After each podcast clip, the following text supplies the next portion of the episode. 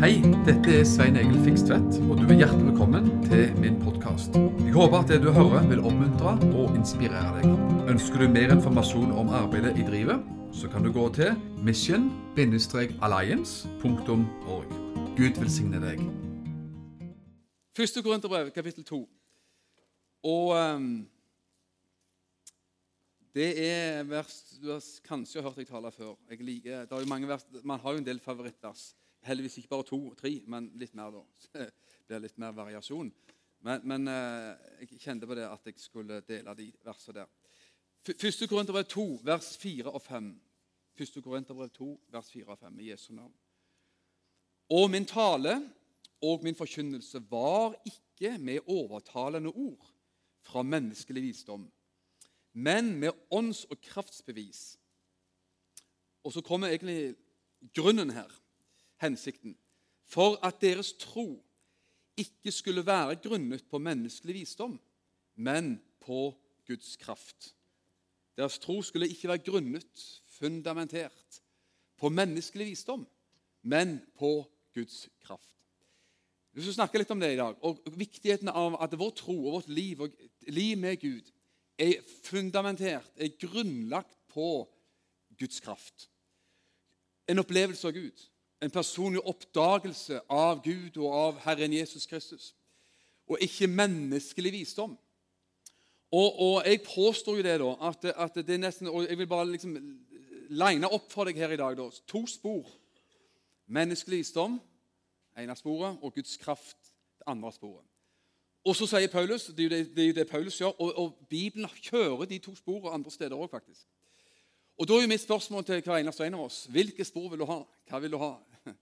Det burde være enkelt. Paulus, Paulus anbefaler jo at vår tro skal være grunnlagt ikke på menneskelig visdom.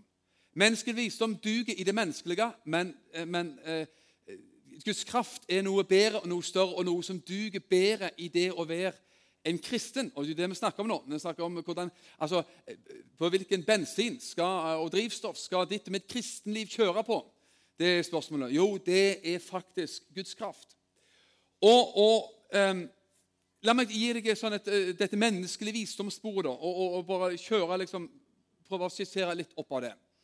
Det som er veldig viktig i en menighet, spesielt hvis man har vokst opp i en menighet og, og nesten sagt eh, født inn i menigheten og vokst opp, og, alt har liksom rulla godt eh, nesten på, på kristen oppdragelse, og at man gikk på søndagsskolen og fikk alt med seg på det viset der, så er det så viktig at det ikke blir ene og alene en form for oppda oppdragelseskristendom.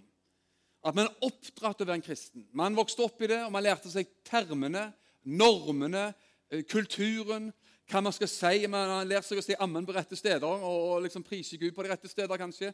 Hvis man har vokst opp i type, den type menighet. Eller andre ting. Eller lærte å si Ave Maria på rett sted, kanskje. Men at man liksom lærte seg alle ting. Man lærte seg alle triksa, liksom. Alle, alle greiene. Kulturen uten at man fikk den personlige oppdagelsen av Jesus.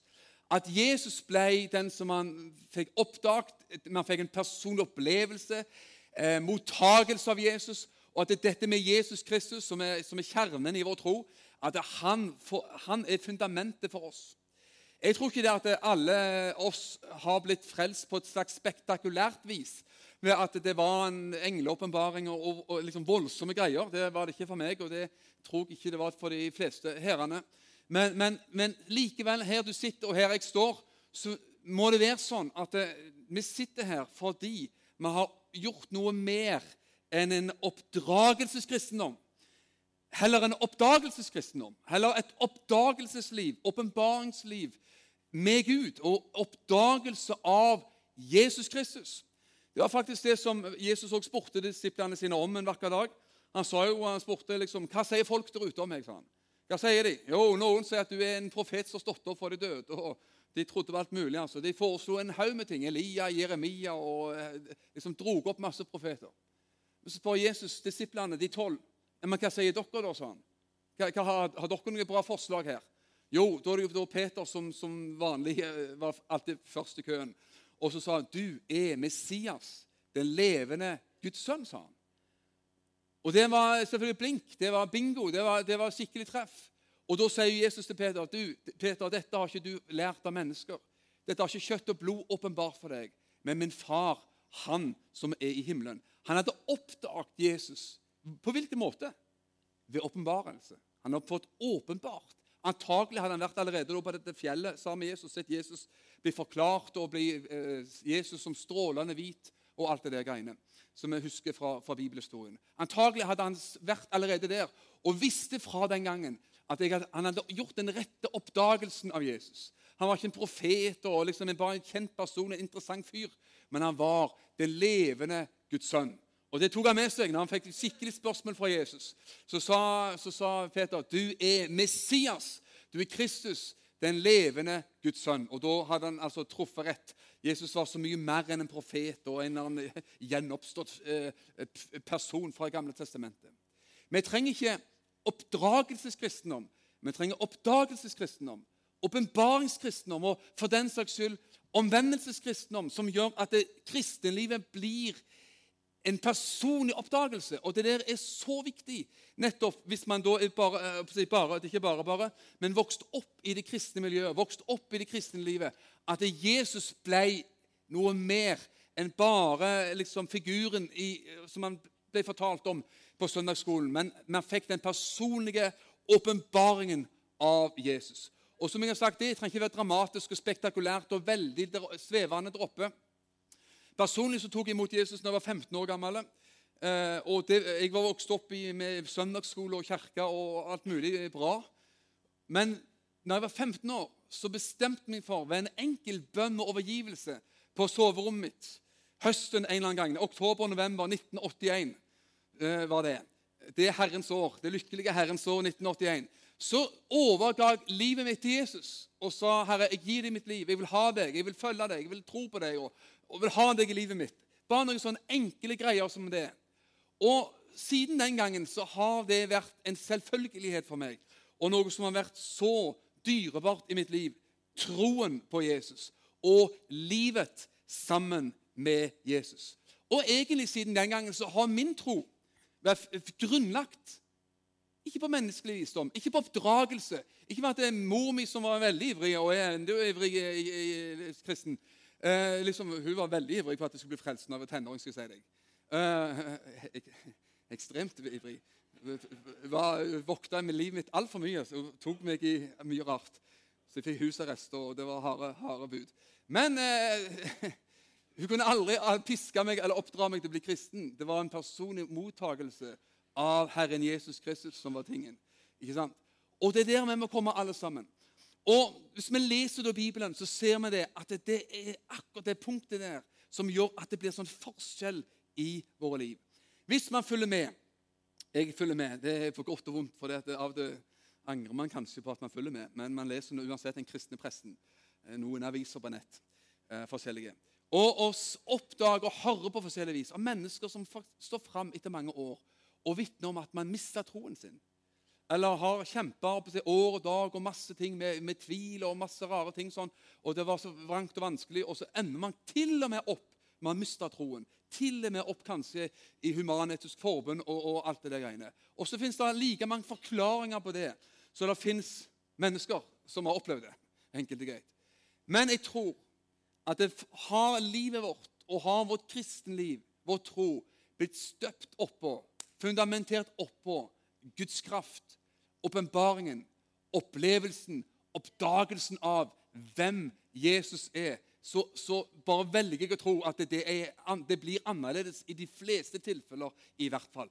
For Jeg skal ikke si at alle som har falt fra, aldri hadde opplevd Jesus. Det, det vet Gud mer enn meg. faktisk talt. Men jeg tror på opplevelseskristendom. Jeg tror på oppdagelseskristendom. Peter sa det sånn, Apostelen Peter sa vi kan ikke la være å tale om det vi har sett og hørt. Sånn. Han sto frem og fikk, ble stilt fram i Det høye råd i Jerusalem og fikk forbud mot å forkynne i Jesu navn. For de hadde jo helbreda en, en lamme mann osv. Og, og, og Peter sa bare så enkelt Vi kan ikke la være å tale om det som vi har sett og hørt. Altså Det han hadde oppdaget, det han hadde opplevd, det kunne han faktisk ikke holde nebbet igjen over. For han visste at dette er så fantastisk. Det er så viktig at jeg er nødt til å tale om de tingene der. sånn. Eh, Paulus han sa det i 2. Timoteus kapittel 1. Han sa, 'Jeg vet, jeg vet på hvem jeg har kommet til å tro på.' Det er bra sagt. Jeg vet. Jeg vet hvem jeg har kommet til å tro på. Tenk på det. Paulus var, når han skrev 2. Timoteus brev, det siste brevet han skrev Paulus som gammel mann. Han var jeg, utslitt og, og, og, Jeg skal ikke si trøtt av livet, for det, det var han sikkert ikke, men, men, han var i et hardt fangenskap i Rom. Mange mennesker hadde forlatt han. Han skrev jo veldig sånn rørende og sterkt og gripende og litt hjerteskjærende om det i 2. Timotees brev. Og forteller jo mange som hadde stukket av og, og greier. Så sier han likevel Jeg vet på hvem jeg har kommet til tro på. Og jeg vet at han er i stand til å bevare meg inntil den dagen. Det er fantastisk. Han sa også senere i brevet at, at når jeg skulle forsvare meg i retten, så stakk alle av. Liksom, hvor, blir alle av? Jeg vet ikke, jeg, sier han. Men Herren sto der. Herren sto der. Og det, Å ha den der fundamentet i livet er noe jeg personlig brenner for at alle skal ha, og som jeg ikke jeg, kan la være å tale om. faktisk. Jeg vet på hvem jeg har kommet til å tro på, sa Paulus. Skulle du høre her fra en annen person? Jeg skal, jeg skal bare ta det litt sånn raskt. Jobb. Nå ble det sitert et veldig bra vers her av Lene, faktisk, som jeg hadde planlagt å sitere sjøl. Jobb 19 tror det står. Jeg vet, jeg vet at min gjenløser lever, så Jobb. Jobb som ble hardt prøvd på, i en periode på noen måneder. Han ble ribba skikkelig til skinnet. altså. Han, folk døde, Familiemedlemmer døde, og han var konkurs, og, og han var sjuk, så, så, det var ikke mye igjen av den karen der. Så sier han faktisk 'Jeg vet', det. Jeg vet at min gjenløser lever. Og til slutt skal han stå fram på støvet. Tenk å ha den troen. Tenk å ha den vissheten midt i det han hadde opplevd i sitt liv. Han visste hvem han hadde kommet til å tro på, han også. Og så sier Jobb Jobbs bok er en interessant bok. som Det tar mange, mange søndager skulle liksom dra den uh, Jobbs bok, og det skal jeg ikke prøve på her i det hele tatt. Men Jobb sier på slutten av sitt liv ikke slutten av sitt liv, slutten av sin prøvelse Nå skal vi ikke dramatisere det mer enn nødvendig her. På slutten av sin tøffe krise, får man si. På slutten av sin skikkelig røffe tunnel og lange, mørke tunnel i livet, så sier Jobb noe som, som er veldig sterkt, og som jeg tror at vi skal bare sitere veldig raskt her. For han får en fornyelse, og han får en gjenoppdagelse av Gud i sitt liv. Og han sier Hør her. Jobb 42, eh, vers 5. Før hadde jeg bare hørt om deg, sa han. Tenk på det. Nå sitter jeg 78-oversettelsen, for den syns jeg er best her. Før hadde jeg bare hørt om deg, men nå har jeg sett deg med mine egne øyne. Det er en litt forskjell på å ha hørt om han og det å ha sett han. Amen. Og Ingen av oss har sett han sannsynligvis med liksom våre fysiske øyne. og den stilen der. Men har du og meg sett han med vårt hjerte? Har du og meg oppdaget han med vårt hjerte? Har vi sett han, oppdaget han, ikke bare hørt om han, men oppdaget han og fått en personlig kontakt med han i våre liv? Jobb sa før hadde jeg bare hørt om deg, men nå har jeg sett deg.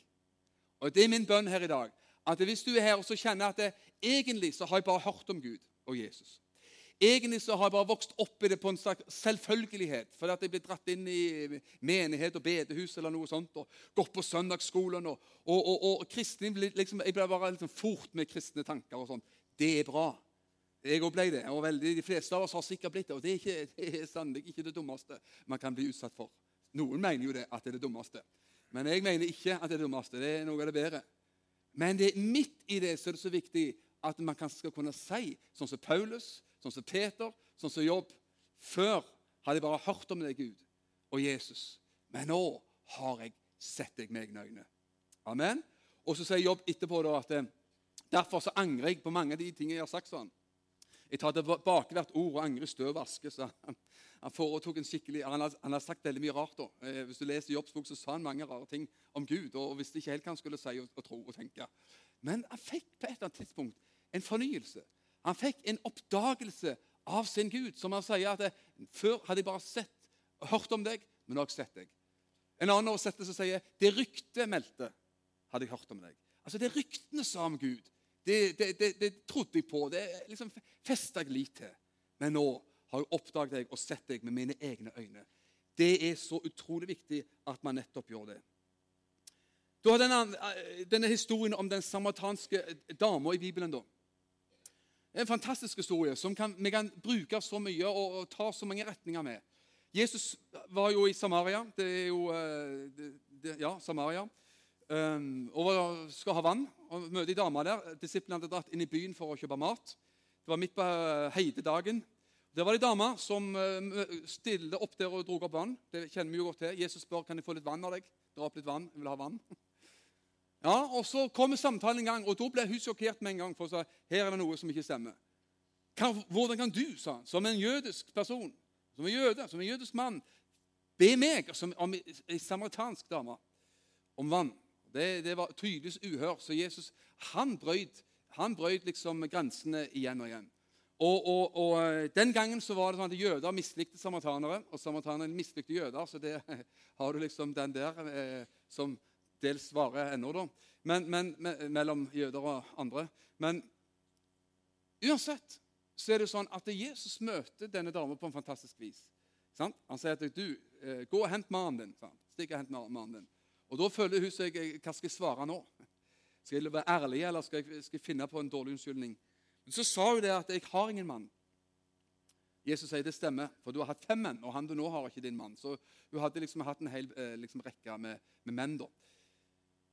Og, og da, da, var samtalen i gang. vet du. Da, da var det liksom eh, masse prat om tilbedelse og eh, hva samaritanerne tror på, hva jødene tror på, og så var det liksom den åndelige praten i gang. For å prøve å gjøre en lang historie veldig kort, da, så er det jo sånn at Jesus blir hos det folket, samaritanerne, i flere dager, faktisk. Det er ikke dårlig. Det er ikke mange, De har ikke hatt besøk av mange jødiske menn før, men, men som sagt, Jesus var annerledes. Og etter en stund da, Jesus hadde vært hos dem. Jesus møtte denne dama, og, og, og, hele landsbyen der kom jo i, i kontakt med Jesus. Så sier de, de noe fantastisk til slutt. De sier til dama Så først brakte, brakte de til Jesus. Nå tror ikke vi lenger på grunn av det du sa. Når vi sjøl hørte han og vet at han er verdens frelser. Amen. Og så der har du igjen dette at man må komme, hver person, hver person må komme dit med livet sitt. At man sier, og at jeg sier Jeg må kunne si jeg tror ikke lenger pga. At, at mor mi tror. Og, og at halve slekta trodde og tror. og, og alt det der, At de vokste opp i kristent hjem. Det holder ikke. Når jeg sjøl for lengst selvfølgelig møtte han. Amen. Jeg møtte han i 1981 på en personlig måte da jeg var 15 år. Og Det er så viktig for kristen ungdom og for alle andre som vokser opp i menighet og, og, og, og året gå. Mamma sier jeg tror ikke bare fordi at far og mor tror, jeg tror ikke bare fordi den og den tror. Når jeg sjøl møtte han, og jeg vet, jeg bare vet, at han er verdens frelser. Det er så viktig å komme til det punktet i livet.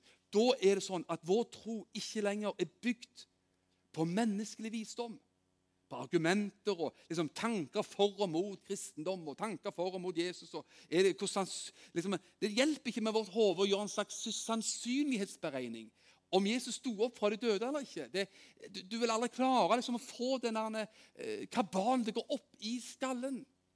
Det handler om noe dypere enn skallen. Det handler om hjertet. At man oppdager og møter Jesus personlig i sitt eget liv. Da går det fra at troen er bygd på, på menneskelig visdom, til at troen er bygd på Guds kraft. Amen. Troen er bygd på Guds kraft. La meg ta et par historier fra, fra nåtiden. da. Nå har vi tatt noen bibelhistorier. Jeg skal lese en, en mail jeg fikk bare faktisk på onsdag. Og, og skal lese den, og, og, så skal vi se hvor viktig det er at man tror på at menneskers liv blir bygd på Guds kraft. Hør her. Det er ei dame som skrev her på, på, på, onsdag. Husker du Jeg var et sted og prekte i februar.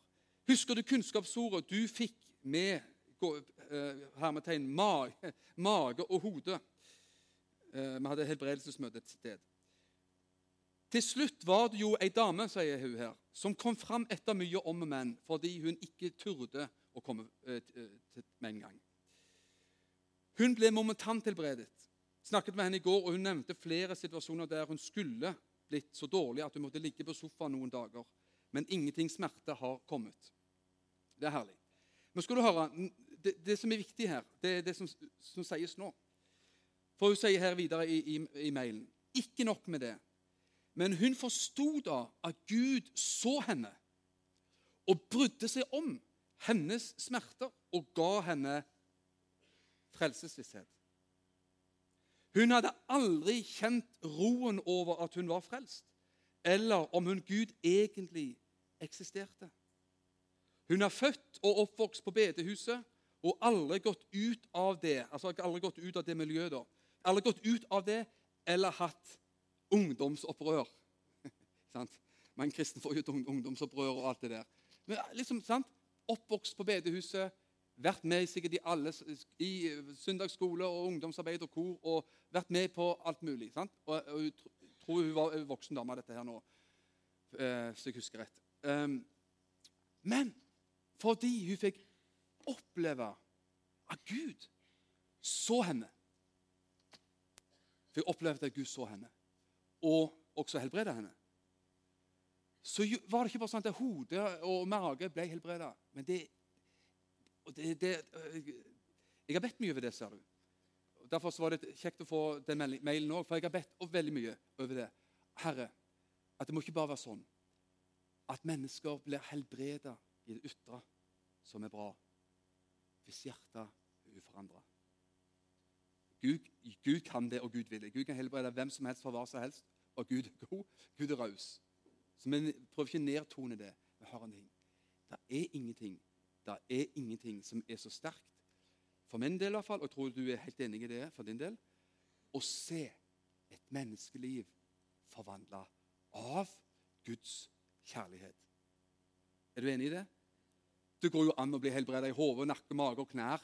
Og gå kanskje uforandra videre hvis vi ikke møtte Jesus midt i det. Og vet du, Gud er spandabel. Han spanderer alt det der. Gode, nye knær på folk. Så det, det, det, er ikke det som taler ikke mot det. Og det er bra å be for folk overalt. Men et menneske Det er ikke noe mer vakkert enn å se et menneske bli forvandla av noe mer enn et nytt kne. sant? Liksom at eh, skru, Herren skrudde til kneleddet litt, så det slutta, slutta å knirke sånn. Gud vil gjøre noe mer enn det. Gud vil gjøre noe mer enn det. Og, og, og det der at det, Ei dame som strevde med frelsesvisshet. Ei dame som lurte på eksisterer Gud. Jeg er født og oppvokst i dette her, Bedehus og miljø og hva nå? Så får man en oppdagelse av Jesus og hans godhet og hans kjærlighet, som forvandler noe i livet. Det har Gud for enhver av oss til enhver tid, egentlig. Amen. Alle oss trenger det. Alle oss trenger en, en dukkert i Guds kjærlighet og Guds nærvær og, og alt det der hele tida. Ellers så blir man eh, mindre elastisk i livet. sant? Og hjertet kan bli hardt. Men jeg skal få en annen historie som ikke jeg har hatt noe med, men som er sterk. Jeg har møtt ei dame to-tre ganger i en sammenheng. I samme sammenheng som dette her. Men, men hun fortalte for noen måneder siden en herlig, enkel historie som også gjorde noe fantastisk med henne. Denne dama var lærer, og er lærer. Hun hadde en ulykke på gymsalen på skolen der hun jobbet. At hun eh, regner med hun var gymlærer, men hun smalt hodet inn i ribbeveggen så kraftig at hun fikk hjernerystelse, og det var så voldsomt at hun var dårlig i syv måneder, faktisk. Med konstant hodeverk. Kunne ikke jobbe. Gikk med veldig mørke solbriller. Uh, gikk til noe som heter, jeg vet ikke helt hva det er, men Hun kaller det for synspedagog som skulle lære henne sikkert å leve med dette her, og skulle gå med så mørke solbriller så det gikk an, og samtidig kunne av og til kjøre bil.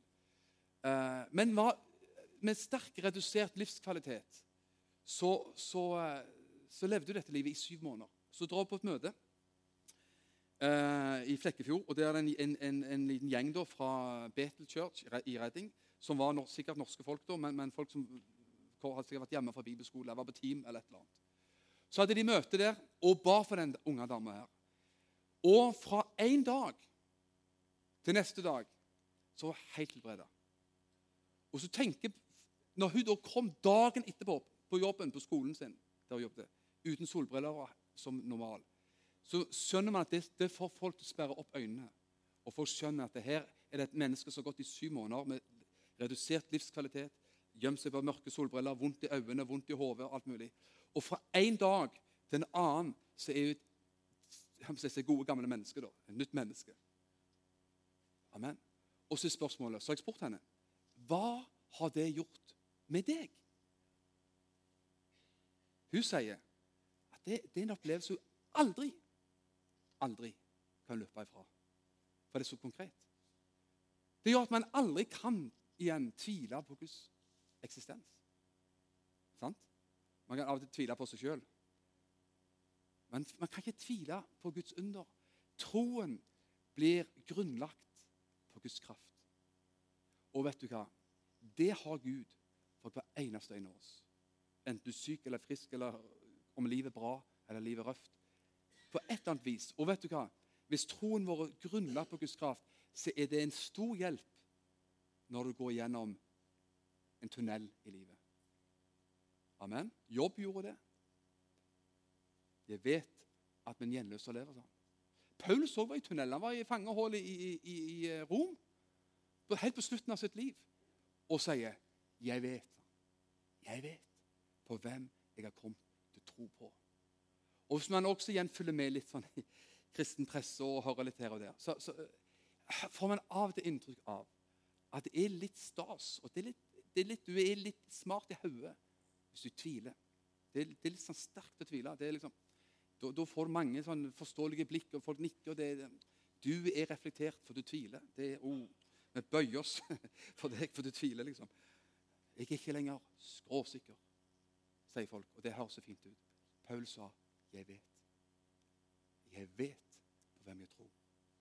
Det er forskjell. Jeg vet at min gjenløser lever. Arrogant, arrogant og frekk skråsikkerhet snakker jeg ikke om, men å ha tryggheten og troen og vissheten om fordi man har gjort sin Jesus' oppdagelse i livet, er faktisk viktig. Det er viktig. Jeg skal avslutte veldig fort. Skal gi deg en slags tre, jeg kaller det for det. Jeg kaller det for en tretrinns åpenbaring. Tre fases åpenbaring. Som jeg tror Gud har for hver eneste en av oss. Og det er nummer én. Det, den er jo banal, men den er, den, den er viktig. selvfølgelig. Det begynner et sted. Alt begynner et sted. Åpenbaringen om, troen på, vissheten om at faktisk Gud finnes. Ja, Det er ikke alle i Norge som tror at Gud finnes. Ganske mange gjør det. sånn sett. Men, og I en annen form og fasong. Men troen på at Gud finnes. Finnes. Nummer to at den Gud som finnes, han ser deg. Han ser deg. Du finner jo både eh, Abraham var det vel, og, og Hagar og disse ja, Hagar sa jo hun jeg på å si, Medhustruen til Abraham hun sa jo det når hun oppdaget at Gud hadde forsørga henne med vann og greier i ørkenen. Så sa hun du er den Gud som ser. Det var hennes, opp, hennes opp, eh, opplevelse. Du er den Gud som ser.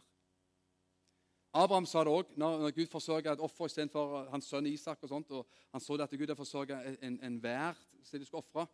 Så han at Gud, du ser. sa han. Du ser. Kan du tro at Gud finnes? At Gud ser? Det holder ikke. Det, holder ikke. det er ikke godt nok at han bare finnes hvis han ikke ser deg. Han ser deg. Han finnes, og han ser deg. Men det holder ikke, det heller. vet du. Det viktigste til slutt er antagelig dette. Du må skjønne, og jeg må skjønne, at han har omsorg for deg. Tenk så bare sånn at Han så deg. Men han så forbi deg. Han ser deg, men han bryr seg ikke. Det var, det var trist. Det var dumt. Det var skikkelig kjedelig. Han ser deg, og han bryr seg. Han ser deg, og han har omsorg for deg. Han har det. Han fins, han ser deg, og han har omsorg for deg. Han elsker deg. Han har en god plan for ditt liv, selv om omstendighetene er, kan være enten lyse eller mørke eller, eller gråe eller skikkelig mørke. Så er det sånn at Gud er den Gud som både eksisterer, han finnes, han ser deg, og han har omsorg og bryr seg om hver eneste. Vet du hva? Gud vil at vår tro skal være så mye, mye mer enn teori. Er du enig i det? Ikke teori. Ikke bygd på menneskelig visdom, menneskelig argumentasjon og uh, tenkning og fabling øst og vest og her og der. Nei, noe mer enn som så. Noe mer enn som så. Han er glad i deg, og han ser nettopp din situasjon. Amen. Tro som er grunna på Guds kraft. Hør. Jeg, jeg, jeg lyver ikke når jeg sier jeg skal slutte veldig fort, faktisk. Skal jeg gi, gi deg min drøm en gang til, litt sånn tydelig. Jeg har drømmer om. Og Det er jo ikke liksom to, samme drømmen todelt, får man si. For det første så drømmer jeg om kristne mennesker. De fleste her er kristne. Kanskje alle er kristne. Det vet jo ikke jeg. Gud vet. For jeg kjenner ikke alle. Men vet du, Gud vil ha Gud ser etter, tror jeg. Kristne som kjenner han personlig. Som elsker ham, Som virkelig vandrer med ham. Går det an i dag, i 2017, å vandre med Gud og kjenne ham, erfare ham? Det gjør det. Det gjør det. Og jeg tror det Gud ser etter, og det er i hvert fall min drøm, at vi skal finne en generasjon, ha en generasjon, være en generasjon kristne som lever troverdig med Gud. Ekte, sant og troverdig. Som ikke kutter rare kanter i Bibelen, kutter teologiske kanter og, og andre kanter som ikke man skal kutte, men som tror, lever et ekte, ærlig, troverdig liv sammen med Jesus. Ikke perfekt liv, men troverdig liv med Gud. Amen. Og at det folket er et folk som bærer dette med seg ut til en døende verden.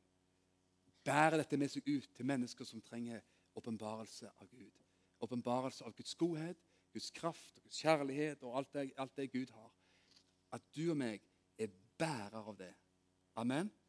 Bare den Gud du sjøl kjenner og har oppdaget, kan du være en bærer, kan du være en som formidler. Du kan kun formidle den Gud som du sjøl har blitt kjent med. Amen. Og Det tror jeg er så viktig. Jeg tror at det er masse polarisering som skjer også under den kristne paraplyen. Men jeg tror at det er folk som har for sin tro grunnlagt på Guds kraft. Grunnlagt på Guds kraft. Amen. Ikke menneskelig visdom, på Guds kraft. Er de som kommer til å se at menneskeliv gjennom ditt liv og gjennom et liv blir mennesker som er forvandla. Som er forvandla. Amen. Far i himmelen, jeg bare ber at disse ord skal, skal berøre våre liv, Herre, og skal skape brann. For det første, Herre, at vi kan få lov til å ha denne brannen i våre liv. At vi har lyst til å bare bli mer og mer kjent med deg, Herre. Mer og mer kjent med deg. Mer og mer vandre med deg. Vandre med deg tro på Bibelen. Leve et liv i tilbedelse. Leve et liv med Gud. Personlig liv med Gud. Og Herre, at ut fra det Herre, så er vi i stand til og villige til å oppleve at vi får lov til å gjøre deg kjent for verden der ute. Herre. At vi kjenner deg, og at vi gjør deg kjent for andre. Jeg ber om det i Jesu Kristi dyrebare. Takk skal du ha for det, far. Amen. Amen. Takk for det, Jesus. Skal vi reise oss opp, og så skal vi sikkert bare, kan bare komme og være klar. og vi går sikkert, Det er ikke jeg som leder møtet, så det er eh, Katrine. Men jeg tror på det. Jeg har ikke spurt, men jeg tror vi gjør det sånn. Alt er åpent tror jeg, her til å be for mennesker. Er du her i dag som trenger å bli bedt for? Du trenger at jeg vil ha en større kjennskap til Gud i mitt liv. Er du her så ønsker vi skal be om helbredelse? Og hør Hvis du er her i dag, og du har hørt om Jesus Du tror egentlig på han òg, men du har på en måte ikke gitt hele hjertet til han, og, og liksom sagt at nå, og, Men du vet og du kjenner at jeg er klar nå i dag til å si jeg vil ha Jesus, jeg vil overgi mitt liv til han fullstendig. At Da har jeg veldig, veldig, veldig lyst til å hilse på deg og be for deg og, og snakke med deg og alt mulig. For det, vet du hva? Det er det viktigste som fins. At du kan få lov til å gjøre din personlige Jesus-oppdagelse og ta imot Han som din Herre og Frelser. Amen. Så mens andre folk kommer fram for et eller annet, som man gjerne gjør, så er du her som ikke kjenner Jesus personlig og vil ha, ta standpunkt for ham og invitere han inn i ditt liv i dag, så vær så snill, ikke gå ut herfra i dag før du har eh, latt meg eller noen andre få lov til å være med og be for deg. For det er det viktigste. Viktigste. Så kjenne sjøl at du eh, Hjertet banker, at du vet at dette er rett, dette er rett. Men jeg vet ikke om jeg er helt, liksom, helt tørr. Bare vit det. Ja, ofte er det sånne dragkamp i våre liv. Det drar i, liksom, i alle retninger. Men la, la Jesus vinne den kampen. La Jesus få lov til å dra deg skikkelig i dag inn til seg sjøl i Jesu Kristi dyrebare navn. Amen. Og så føler jeg på det at det er, det er en, enten en eller flere her i dag som kjenner at du, du kjenner på det at noen har svikta deg og forlatt deg ganske, ganske kraftig, faktisk. Som gjør at du føler deg skikkelig forlatt. rett og slett. Føler skikkelig forlatt og bedratt av noen. Gud vil helbrede det der i dag. faktisk. Gud vil, Gud vil leke det så du kjenner at det, livet ditt blir lekt, og livet ditt blir helt i dag. I Jesu Kristi dyrebare navn. Amen. Takk for at du har lytta til denne podkasten. Jeg ønsker deg en velsigna god dag.